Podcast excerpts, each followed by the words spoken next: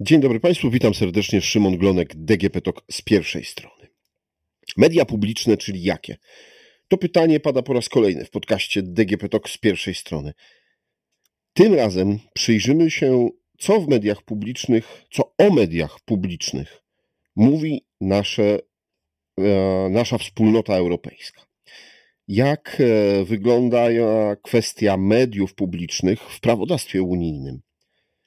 Jak wygląda dziś kwestia mediów, a w Polsce, e, a prawodawstwo unijne e, i jakie są propozycje zmian e, w projekcie przygotowanym przez ekspertów, opisanym w dokumencie Media Obywatelskie założenia ustawy o mediach służby publicznej. Moim i Państwa gościem, któremu zadam te pytania, jest mecenas Karol Kościński, zastępca dyrektora generalnego ZAIKS. Dzień dobry. Dzień dobry panu, dzień dobry państwu. Panie mecenasie, no to zacznijmy od tego początku, czyli jak wyglądają dzisiaj, jak wygląda kwestia mm, prawna naszych mediów w stosunku do tego, co jest w prawie unijnym. No, prawo europejskie bardzo długo media, mediami publicznymi zajmowało się tylko trochę tak naprawdę. Regulowało sferę działalności wszystkich mediów, bez rozróżniania na to, czy są to media publiczne, czy media prywatne.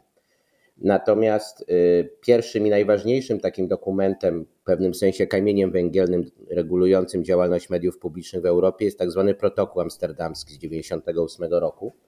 Jest to protokół do traktatów ustanawiających wspólnotę europejską. I e, w tym protokole e, tam jest takie spojrzenie na media publiczne jak na, jako na, mm, z punktu widzenia prawa konkurencji, jako na podmiot, który jest konkurencyjny wobec mediów komercyjnych, z racji konkurowania dostaje wsparcie z środków publicznych i to, co uzasadnia wsparcie, a więc zaburzenie konkurencji na rynku medialnym, to jest realizacja przez te media misji publicznej, czyli określonych zadań publicznych, które mogą realizować wyłącznie media publiczne. I protokół amsterdamski stwierdza wyraźnie, że media publiczne powinny być oddzielone od sfery polityki i powinny być oddzielone od sfery biznesu, tak zwanego. I to jest taki pierwszy dokument, w którym media publiczne w prawie europejskim się pojawiają. I bardzo długo był to dokument jedyny. W procesie rewizji dyrektywy o audiowizualnych usługach medialnych w 2018 roku dodano rozwiązania dotyczące regulatora mediów, tym regulatora mediów publicznych. I w, tym, w, tej, w tej zrewidowanej dyrektywie stwierdzono wprost, że powinien być to organ, który jest niezależny od władzy publicznej, powinien to być organ, który nie podlega instrukcjom, y, jego członkowie nie działają zgodnie z instrukcjami wydawanymi przez kogokolwiek, tak przez, tak przez władzę polityczną, jak i przez y, jakieś kręgi biznesowe. Państwa członkowskie zostały zobowiązane do tego, by taki organ wyposażyć w odpowiednie środki e, do funkcjonowania i by procedura powoływania, odwoływania jego członków była przejrzysta, transparentna, podlegająca kontroli publicznej. U nas takim organem kiedyś, zgodnie z porządkiem konstytucyjnym, była Krajowa Rada Radiofonii i Telewizji. E, w ciągu ostatnich 8 lat, znaczy konkretnie w roku 2016, pojawiła się Rada Mediów Narodowych. No jak się spojrzy na sposób funkcjonowania tych organów, szczególnie Rady Mediów Narodowych, ale KRIT-u niestety też, to te standardy wyznaczone przez e, rewidowaną dyrektywę europejską pozostają w tym momencie na papierze. I to, co się dzieje ostatnio, i to jest, jest bardzo ciekawy moment, to jest przyjęcie tak zwanego Media Freedom Act. To się dosłownie zdarzyło kilka dni temu, te negocjacje zakończyły się kilka dni temu i, mm, czyli aktu o wolności mediów, czy Europejskiego Aktu o Wolności Mediów, i tam ta regulacja unijna y, ma szerszy zakres. Dotyczy nie tylko tego, jak ma funkcjonować organ regulujący media, ale też y, nakłada na państwa członkowskie określone zobowiązania dotyczące samych mediów publicznych, więc zagwarantowania ich niezależności od sfery politycznej i biznesowej. Państwa członkowskie mają swobodę w wyborze narzędzi, które mają do tego służyć zagwarantowania stabilnego finansowania niezależnego od y, ciągłych decyzji budżetowych, finansowania mediów publicznych. Takie rozwiązanie ze świadomością, że stabilne finansowanie niezależne od wpływu politycznego jest jednym z gwarantów niezależności mediów publicznych jako takich. No i formułują tam też określone obowiązki dotyczące powoływania i odwoływania tych władz, też wskazując na konieczność zachowania transparentności, przejrzystości, wpływu opinii publicznej na to, co się e, przy powoływaniu odwoływaniu tych władz dzieje. No jak, czyli tak jak widzimy, to prawo europejskie poszerza swój zakres, przechodzi pewnego rodzaju ewolucję. Ona jest, e, ten zakres jest szerszy, dlatego że Unia Europejska no, reaguje na to, co się w sferze politycznej dzieje. I nie ma co ukrywać, że jednym z powodów takiego, a nie innego kształtu tego Europejskiego Aktu o Wolności Mediów, a to jest rozporządzenie, czyli obowiązuje w państwach członkowskich bezpośrednio, no jest y, zdemolowanie sfery publicznej, czy sfery publicznych mediów, nie tylko w Polsce, ale na przykład też na, do niedawna z nami bardzo zaprzyjaźnionych Węgrzech. Więc Unia Europejska reaguje na takie, na takie, na takie zdarzenia. Jeżeli się popatrzy na te, to są podstawowe standardy.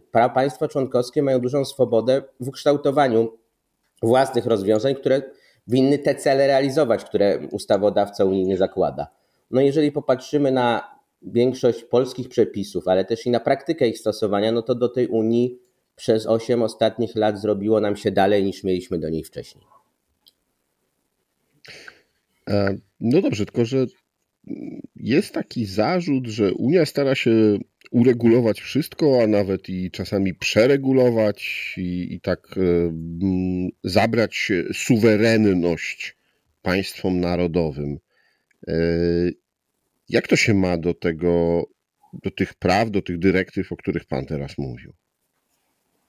No to widzi Pan, suwerenność to jest pojęcie e, z XVII wieku. Wymyślił je Jean Baudin, ile dobrze pamiętam, czy w końcówce XVI. W dzisiejszych czasach nie ma państw całkowicie suwerennych. To jest jakby pierwszy punkt. Punkt drugi, jeżeli wchodzimy do jakiejś wspólnoty, która jest tak naprawdę wspólnotą praw i obowiązków, bo jest zbudowana na prawie, no to powinniśmy tych praw i obowiązków przestrzegać. I to już siłą rzeczy ogranicza naszą suwerenność. Ci, którzy tak krzyczą o suwerenności i o jej zachowaniu, sami uczestniczą w procesach legislacyjnych w Brukseli, chociażby jako europosłowie, a fakt, że pewne kompetencje państwa członkowskie Unii Europejskiej oddały, no to de facto oddały kawałek swojej suwerenności, no głównie w sferze gospodarczej, ale, ale nie tylko. I tak jak mówiłem, odpowiadając na pierwsze pytanie, te regulacje dotyczące e, sfery mediów publicznych na początku tak naprawdę były związane bezpośrednio ze sferą gospodarczą.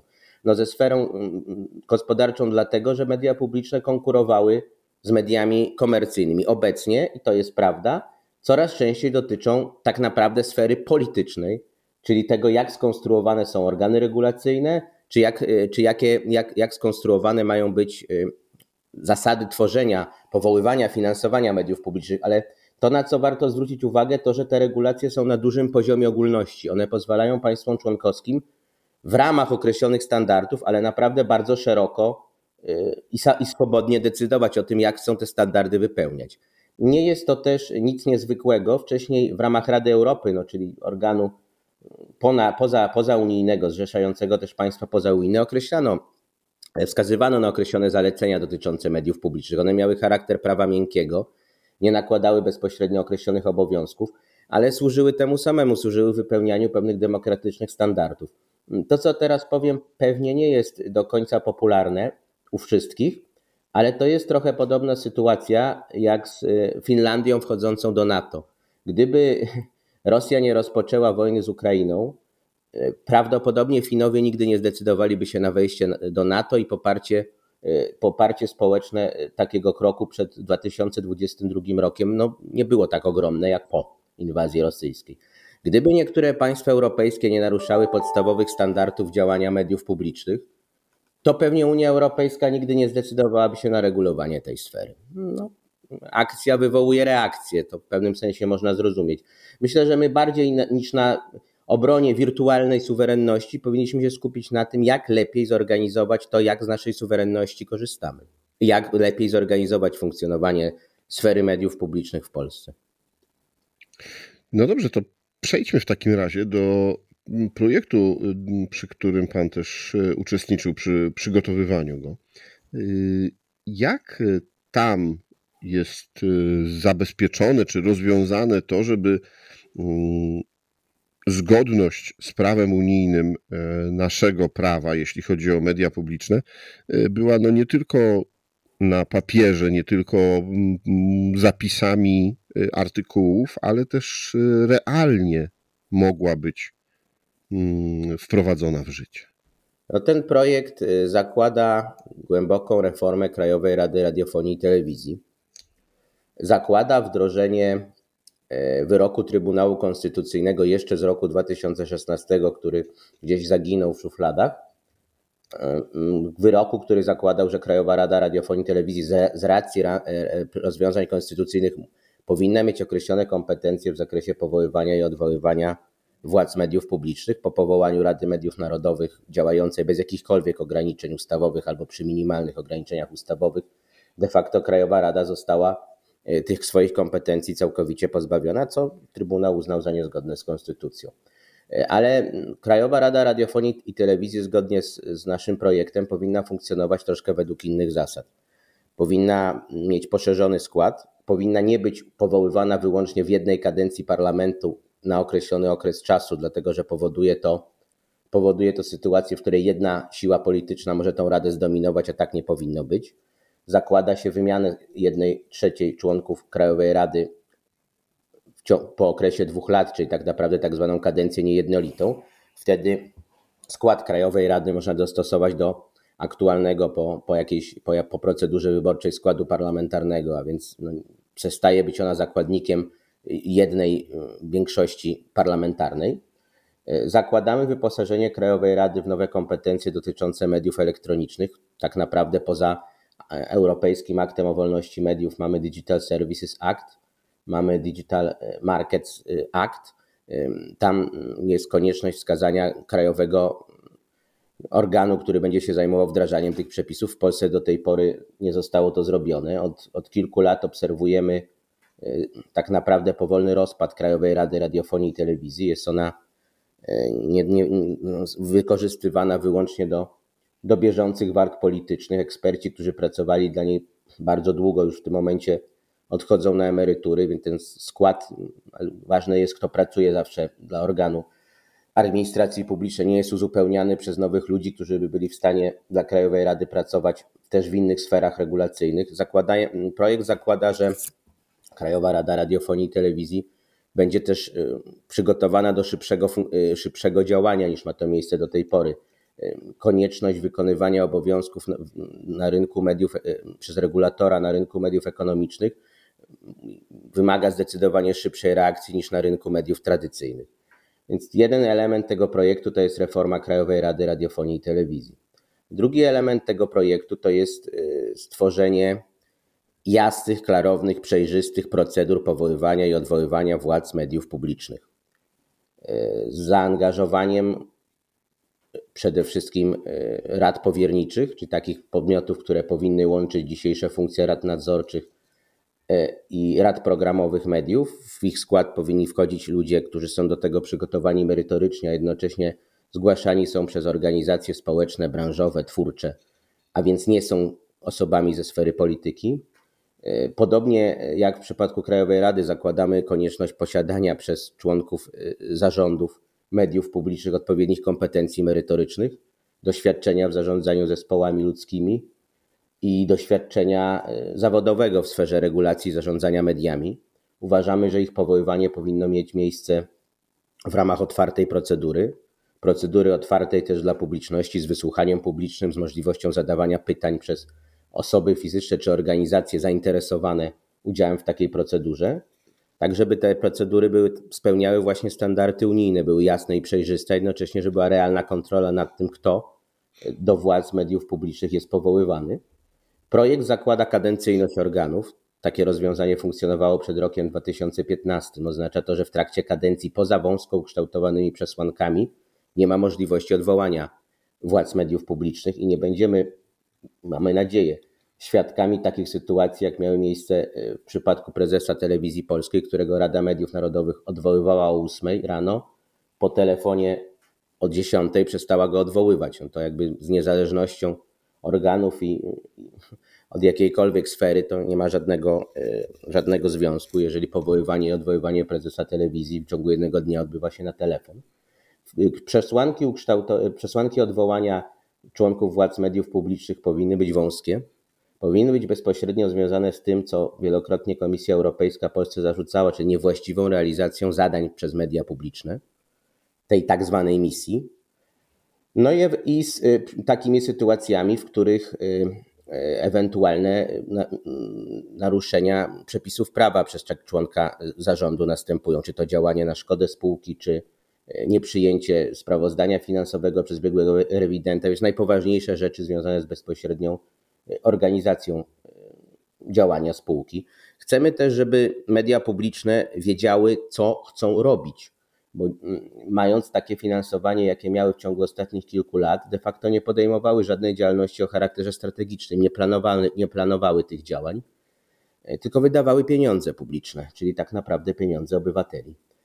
Mamy w naszym porządku prawnym tak zwane karty powinności. Służą one, powinny służyć doprecyzowaniu misji publicznej, czyli w precyzyjnemu określeniu, jak, jakie zadania i z jakim finansowaniem w konkretnych latach spółki medialne mają wy, wykonywać. Podobnie jak wiele innych instrumentów naszego prawnych w naszym życiu, ta instytucja została przez poprzedni, poprzednio rządzących zmieniona w karykaturę. Chcemy, by ona została przywrócona, by była takim narzędziem określania tego, co media chcą realizować w powiązaniu z finansowaniem i jednocześnie by była instrumentem, który pozwala na rozliczenie tego, jak zadania były realizowane i na samym końcu realnej za to odpowiedzialności. Myślę, że to są takie podstawowe rozwiązania, które gwarantują zgodność polskiego prawa z tymi ogólnymi normami, jakie prawo europejskie nakłada na media publiczne, ale też na regulatora mediów publicznych. Mhm. Rozumiem, że to jest też no, zgodne ze wszystkimi tymi aktami, które w Polsce jeszcze nie zostały wprowadzone czy implementowane, a o których Pan mówił, dotyczące też kwestii działalności internetu, no bo mówi się wiele o tej konstytucji internetu, która już miała być wprowadzona dwa lata temu, o ile się nie mylę w tym momencie, a Państwo też w swoim projekcie duży nacisk kładziecie na to, żeby media publiczne były mocno widoczne, chociażby przez takie narzędzia jak portal mediów publicznych, właśnie w przestrzeni internetowej.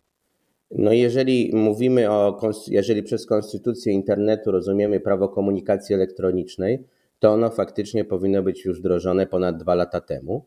To jest jedna z 20 chyba jeden aktów prawa unijnego, którego poprzedniemu rządowi nie udało się wdrożyć, bądź nie chciał tego zrobić. Natomiast obowiązki związane z mediami elektronicznymi dotyczą nie tak jak w komunikacji elektronicznej kwestii technicznych, ale kwestii programu i kwestii reagowania na patologie, które czasem w mediach elektronicznych, choćby patostreamerów się pojawiają.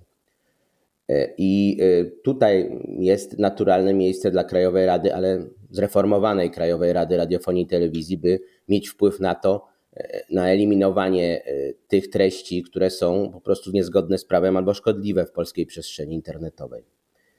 I tak jak pan, tak jak pan, mecena, tak jak pan redaktor zauważył, tak dążymy, nasz projekt zakłada uzyskanie zgodności w tym zakresie między prawem polskim a prawem unijnym.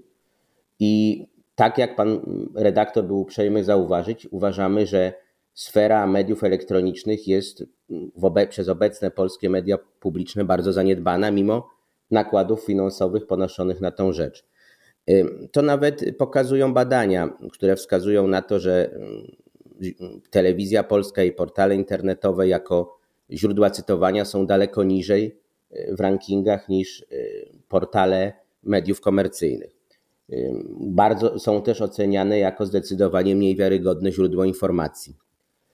Kiedy telewizja polska próbuje stworzyć portale adresowane do ludzi młodych, uzyskuje zdecydowanie mniejsze zasięgi, zdecydowanie mniejszą popularność, czyli zdecydowanie mniejszy odbiór niż tego typu podobne portale,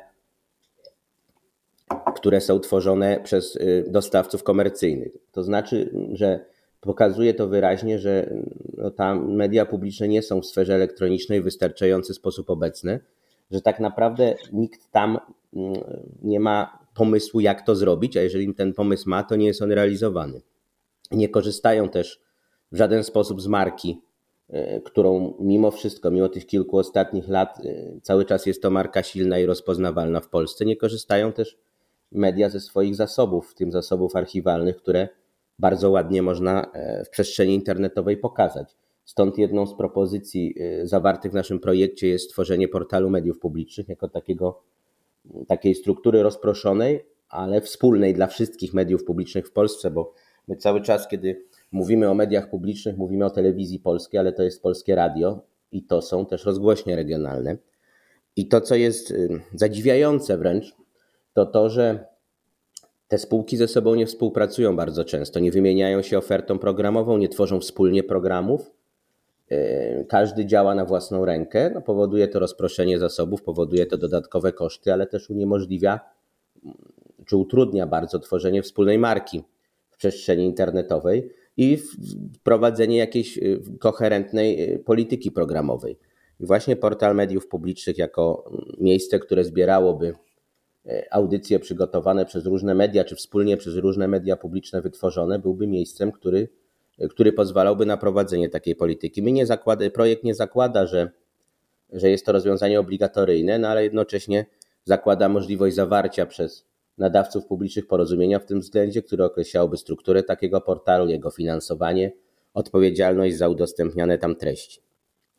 I mamy, mamy poczucie, że być może jest to szansa na to, żeby no jednak media publiczne były obecne w, tak, w takim zakresie w, w przestrzeni internetowej czy elektronicznej, jak, jak ma to miejsce w wielu innych krajach europejskich.